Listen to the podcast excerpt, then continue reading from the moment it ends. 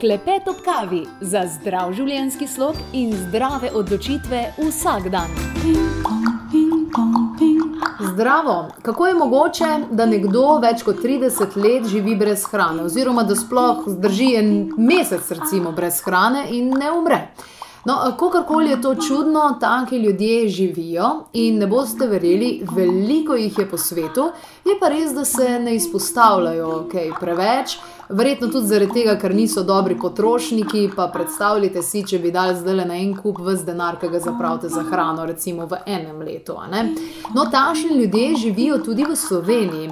In dr. Omerzel Mirit, Mira je ena izmed njih, doktorica muzikologije in tudi sicer izjemna ženska, prireja veliko stvari, je tudi vodja um, ansambla Vedun.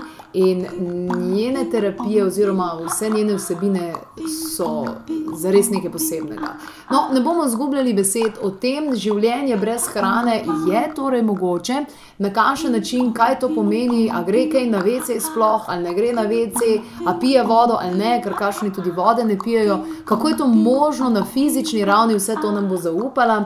Sicer pa zanimivo, ravno zadnjič sem govorila z gospodom Jožetom Munihom iz Tolmina ki je tudi um, Miri, doktorici Miri Umrzel Mirit, zrihto tega slovenskega trojaka, to starodavno napravo iz lesa za zdravljenje. In mu je zaupala, kako velike težave ima ona, če pravzaprav karkoli poje. Se pravi, glih kontra nekje od nas. No, kako lahko ta ženska živi, kako lahko ustvarja in kako je lahko tako zelo kreativna, če pa nič ne je. To boste izvedeli v današnjem pogovoru o pranojedstvu. Klepet ob kavi. Doktor Mira Omerzel Mirit, lepo pozdravljeni, dobrodošli. Pozdravljeni. Veliko ljudi vas pozna po vaši šoli, po zvočnih kirurgijah, po ansamblu Vedun, po neverjetni glasbi, ki je več kot samo glasba. Ljudje, marsikdo pa tudi ve, da pravzaprav imate povsem direktno izkušnjo s pranojedstvom. Zdaj, če gledamo, da človek ne potrebuje jesti, ne? to bi bila krasna izbira za ljudi v današnjem času. Najprej pomislijo, kako bi prihranili. Ja, ja, nafaka. Pa kuhno bi lahko spremenilo kakšno drugo sobo. Ja. Samo običajno to ne gre tako. Uh, ko se je meni to zgodilo spontano, se je enostavno zgodilo. Nisem ne vedela, da je kaj takega možno, niti nisem na to naprošala, razen da sem zelo pogosto pošiljala nekako misel, joj, ko bi ne bilo treba jesti, ker mi je bilo naporno. Enostavno je bilo naporno in pogosto sem hrano tudi zbruhala, očitno je, mi je bila že pretežka. In tako se je v decembru 1994 zgodilo spontano, da 16 dni nisem najprej ne, mogla ne jesti, ne piti, nisem razumela, kaj se dogaja. Šele kasneje, ko sem tudi uh, dobila prve informacije, da se ne dogaja to samo meni, da se je tudi že zgodilo nekaterim ljudem po svetu, kot recimo Mojsici čez Muhin iz Avstralije, ki je potem šla na turnejo po svetu in obelodanjala svojo, uh, svojo življenjsko zgodbo. Ona je šla eno leto prej kot jaz. In potem se je enostavno zgodilo in sem začutila, da se je moralo zgoditi.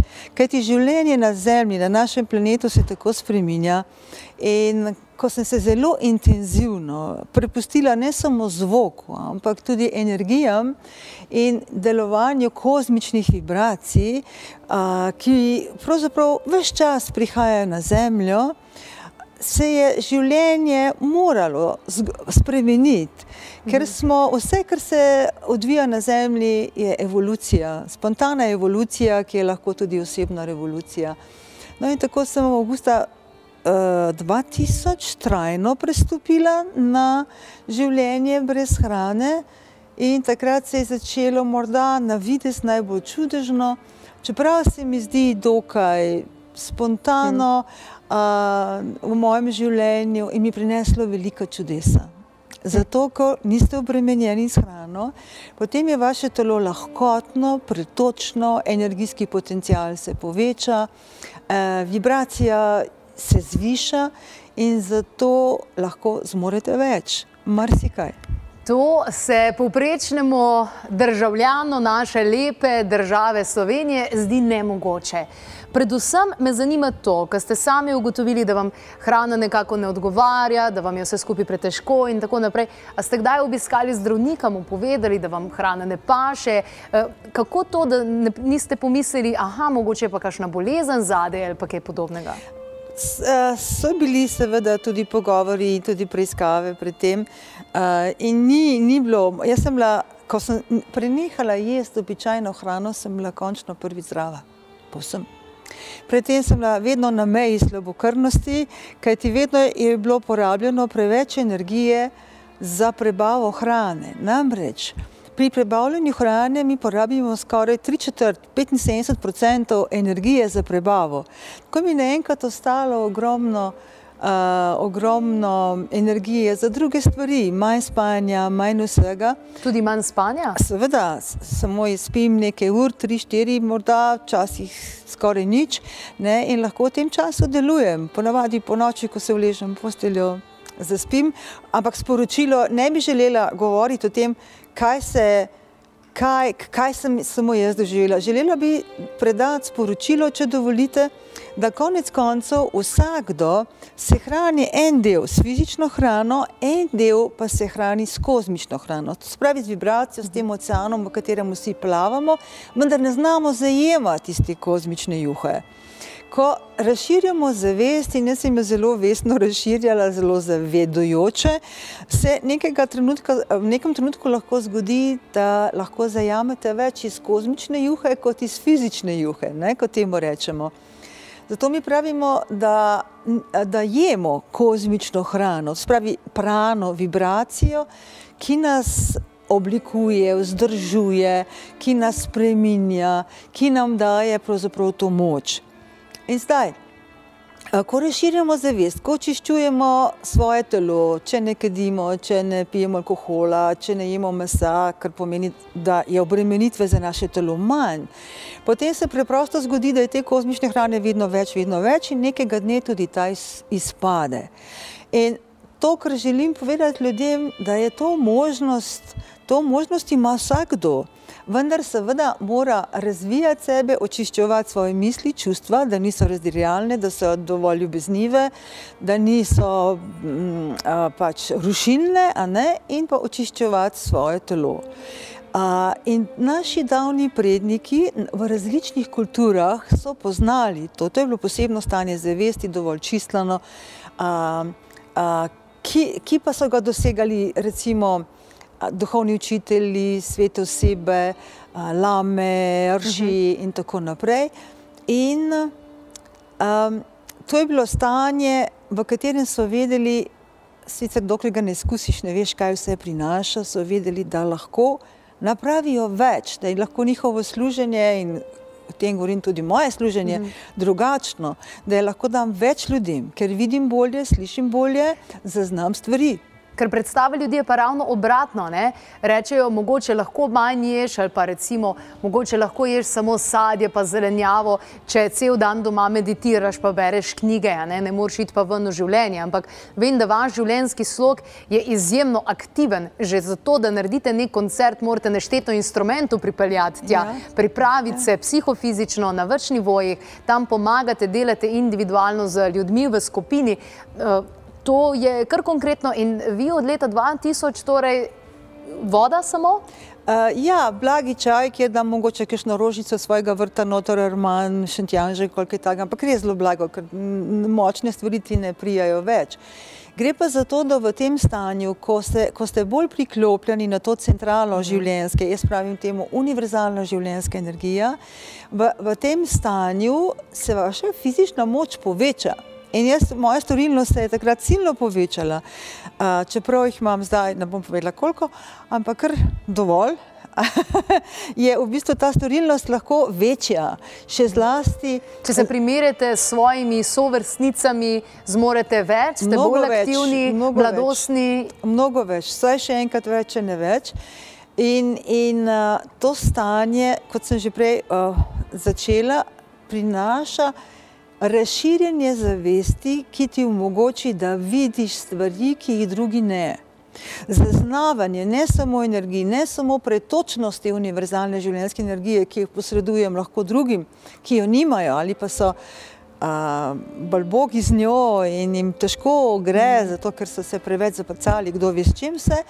Takrat v bistvu sem tudi postala kozmična kirurginja, To pomeni, da s kozmično energijo, univerzalno življenjsko energijo, ki je za vse tako nujna in potrebna, lahko vstopim v telesa drugim in jim pomagam, da, da premagajo svojo bolezen lažje, da se ukrepijo, da se stresi razgradijo. Skratka, to je eno, neko določeno stanje, tisto, kar je pa najbolj zanimivo, da mi noben več ne more lagati, ker enostavno vidim, kaj se v ljudeh dogaja. Vidim tudi, kje so vzroki težav, kje so vzroki bolezni, recimo nesreč, ki jih doživljajo. Enostavno se temu reče, da pride do zavedanja ali tako imenovane vidje v vedski kulturi. Enostavno vidiš, veš. Ampak, če si človek postavi nek cilj, ne, da bi pa zdaj rad izkusil pranojedstvo, se pravi, moramo mi čakati, da se to zgodi samo od sebe, moramo čakati. Ne? Najboljše je, da se to zgodi spontano. spontano. Mi sicer imamo lahko in pestujemo svojo željo, ampak vedeti je treba, da ne moremo ničesar izsiliti. Hmm. Treba je predvsem delati na sebi, na širjenju zavesti, na čiščenju, samo čiščenju telesa, uma, čustev, potem se lahko nekega dne zgodi. Če bi pa hoteli, zaradi tega, ker ste preomenili, zato da bi se proračun zboljšal, da ne bilo treba porabiti za hrano, zato da bi bilo vse skupaj lažje, to se ne, to se ne obnese. Ampak ste zelo slab državljan. Nič hrane ne kupujete, ne? Kupujem za živali, kupujem Aha. za oboge, kupujem za tiste, ki prihajajo k nam na vaje ali pa kakorkoli, tako da jaz še zmeraj hmm. sem v trgovinah in kupujem, kupujem hrano. In kuham, prosim. Wow. Wow. In nikoli vas, ne, nikoli vas eh, kakšni gurmanski nagoni ne eh, pripeljejo k tem, da bi rekli. A, ko skuham hrano, tudi probam, aj dobra, ampak na ta način, da, da uh, dam v usta, izplunem in ne dovolim, da se slina tvori, da, da ne bi slina posrkala kaj notri. Če bi mi pa slučajno kaj prišlo notri, wow, potem imam pa težave za umret. Ja, zato, ker telo se je odvadilo fizične hrane, to najlažje razložim tako takole. Predstavljajte si peč. Ena peč je na drva, ena je pa na plin. Uh -huh. Vi ne morete v plin tlačiti več hrane uh, z drvmi. Uh -huh. In ko preklopite na drugačno kurjavo, je pač tista peč drugače deluje, tako tudi telo. Ampak ljudje se eh, sprašujejo, kaj se pa dogaja z notranjimi organi, s črevesjem, kako je z odvajanjem, pravzaprav z veliko potrebo. Ja. Ni problemov, še boljše deluje kot prej, ker vi se morate zavedati, da ta kozmična hrana kot fuzija prihaja v vaše telo in se v telesu zgosti kot tekočina. In dejansko konstantno odvaja, odvaja vodo več, lahko tudi večkrat na dan. Uh, enkrat na teden, morda nekaj celo se to zmanifestira v obliki blata, ki pa je lahko, silno lahkotno. tako, tak. no, ampak hočem reči, da, da to je samo tako, kot se spreminjajo agregatna stanja. Si predstavljate, da se plin lepo v tekočini in mhm. tekočina mm. lahko preide v let. Enostavno mi smo. Uh, mi smo vzdrževani s to kozmično vibracijo, frekvenco, zvokom, če hočete, ki je bistven za naše življenje, ta pa se potem postopoma spreminja in zgosti tudi v mm. obliki in tvori naše fizično telo in deloma tudi v odpadke. Ker materija je pravzaprav uh, najgostejša oblika energije. To je, to je v bistvu določena frekvenca, določena vibracija. Če bi bila višja vibracija, ne bi bila materija, bila morda plin, morda energija, kakorkoli. Na, na, na določeni vibraciji pa postane materija. Ko sem prvič zvedela za vas in vašo zgodbo o ženski, ki ne je, uh, sem pravzaprav začela opazovati to kulturo tega prehranjevanja in tako naprej. In uh, verjetno je zelo težko živeti, uh, glede na to, da ne vem, naša kultura je zelo povezana s prehranjevanjem in s hrano. Zelo, Jaz ne ja. vem, zakaj bi mi za božič se dobili z mojo družino, če ne bi jedli. Ne? mislim, tako rečeno. Ja. Vse se dogaja okrog mize in okrog hrane, se mi zdi. Zelo, ja, tudi vsa obredja, vse se je dogajalo z nekim drvovanjem hrane, z, z okušanjem hrane. Ampak zelo zanimivo je sledeče. Naše stare zgodbe, tudi slovenske, pravljice, pripovedi, legende, govorijo o človeku, še govorijo o človeku, ki ni jedel govorijo o ajdih, govorijo o tistih velikanih, ki so v bistvu se prehranjevali z prano in, in zelo lušne zgodbice so nekako pravzaprav m, mm, je bila podarjena človeku uh, mana, prana mm. in uh, potem je človek to zavrgel nekako in se je začel potiti In, in, in je moral v potu svojega obraza si pridelati hrano, vendar resnično pred deset tisoč leti je bila hrana bolj kozmična ali je pa sploh ni bilo in smo bili bolj eterični, potem smo postajali vedno bolj fizični in konec koncev, kar vedo tudi arheologi, da tisti moment, ko je človek začel jesti pa še meso, so se začele pa degeneracije. Kaj pa zdravniki porečejo na pranojedstvo oziroma na ne vem, ljudi? Jaz nisem bila pri zdravnikih sicer tako enih 35 let, ne rabim. Zato, ker vse lahko zelo hitro uredim. In recimo, če se mi loti kakšna viroza zaradi preotrujenosti, to lahko v dveh urah prebavim, razgradim in se postavim na noge. Tako da jaz pri zdravniku nisem bila. A se pogovarjam z zdravniki, ki pridajo na moje tečaje, ker jih to zanima in tudi ali pa pridajo zaradi sebe. Seveda jim je tako kot vsem ostalim čudno, nenavadno, zato ker se nekaj, kar je že zdavnaj bilo, ponovno vrača. In jaz verjamem, da v prihodnosti bo tega mnogo več, zlasti pri majhnih otrocih. Aha, zdaj pa bi rada predala še eno sporočilo. Mnogi majhni otroci ne marajo jesti, pluvajo ven hrano, starši pa jim. Tudi moj sin je bil tak. Ne, ko, ko me je dala babca v usta nek meso, je plunil ven. In tudi kasneje je zelo malo jedel, vedno manj je. Gre za to, da otroci, ki se pa zdaj rojevajo, pa sploh rabijo še manj hrane. Zato apeliram na starše, da jih ne silijo s hrano. Kajti ne zavedajo se, kako veliko kozmične hrane tem majhni otroci, ki so širše zavesti kot njihovi starši, pravzaprav sprejemajo iz kozmosa. In če jih bojo pacali za neko hrano, pa razmišljali po svoji logiki, mm. potem bo, bojo, bojo mi uničili neko možnost, ki se jim vzpostavlja in uničili pravzaprav tudi njihove potencijale. Ljudje se verjetno sprašujejo, kako nekateri, ki se znajdejo v divjini, se zgubijo vem, ali pa živijo v taki revščini in lakoti, eh, če nimajo mesec, dva hrane, zdaj ne vem, kakšna je tista cifra, se izstradajo in umrejo, vi pa že od leta 2000 ne jeste, pa žarite še vedno. Ja, misel je tista, ki tudi počasih naredi velike težave. Če ljudje razmišljajo, kako, kako so bogi, ker nimajo hrane, bojo to misel v boštva prenesli na telo. Drugače pa, gledajte, v vseh kulturah, v vseh tradicijah preteklosti so se odpravljali ljudje zavestno. Pa ne gre to za lame v Himalaji ali za indijance v puščavi Arizonski ali v Indiji ali na Filipinih ali kjerkoli, kjer sem tudi se srečevala z ljudmi, ki so prakticirali na nek način pranojedstvo. Dejansko so se odpravili na, na take procese in tudi sama vodim ljudi na tako imenovani suhi post, kjer sicer ljudje uh, ne jedo nekaj časa, pijejo ne tri dni, uh, ampak dobivajo fuzijo uh, kozmične hrane.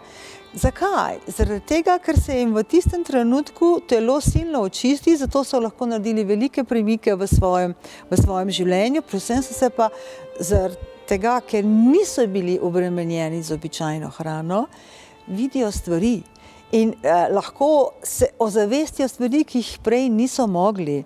Poleg tega jim pomagam s svojimi videnji, v čem je težava, da se gredo stvari dalje.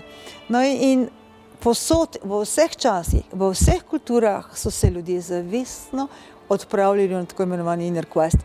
To se pravi, nekam v džunglo, nekam v puščavo, nekam v lame, v odmik totalni, kjer ni bilo hrane, kjer ni bilo vode, vse nekaj časa. Nekaj dni, nekaj tednov, nekaj mesecev morda, Sveda pa je trajno biti brez tega, pa še en korak drugam. Ne bom rekla ravno naprej, drugam. drugam. V tem smislu, ker je to zavestna odločitev, to pomeni, da zavest to zmore, telo to zmore, zato nikoli ne apeliram, da naj se tega ljudje lotijo. Eh, ker so ljudje različni, eni rabijo hrano, tudi nisem v vseh teh letih kaj dosti govorila, ne po medijih, ne kjerkoli o, o, o pranojedstvu. Predvsem pa sem stvarila pri tem, da tega ne ljudje ne počnejo, vkolikor ne čutijo. Če se jim kaj takega zgodi in vzpostavi, če ne čutijo v bistvu miru, lagodja, skratka, truditi se v tej smeri nima smisla. Seveda medicinsko velja, da ti lahko odpove ledvica, če tri dni ne piješ ali kakorkoli. A, dobro, biti brez tekočine je mnogo težje, kot biti brez hrane. In seveda je to resnica, zato se morajo stvari dogajati postopoma, človek mora zaznati, predvsem pa mora aktivirati svoje duhovno vodstvo. Če nima aktiviranega svojega duhovnega vodstva, se mu kaj takega tudi ne more zgoditi. Najlepša hvala za vse informacije, ki ste jih podali. Klepet ob kavi. Poslušali ste avdio posnetek oddaje Klepet ob kavi, omenjene izdelke, povzetke, povezave najdete na trikadvojni ve klepetobkavi.si, lahko pa tudi pokličete svetovalke na nič 2 6200 230 ali pa pišete na infoafna klepetobkavi.si.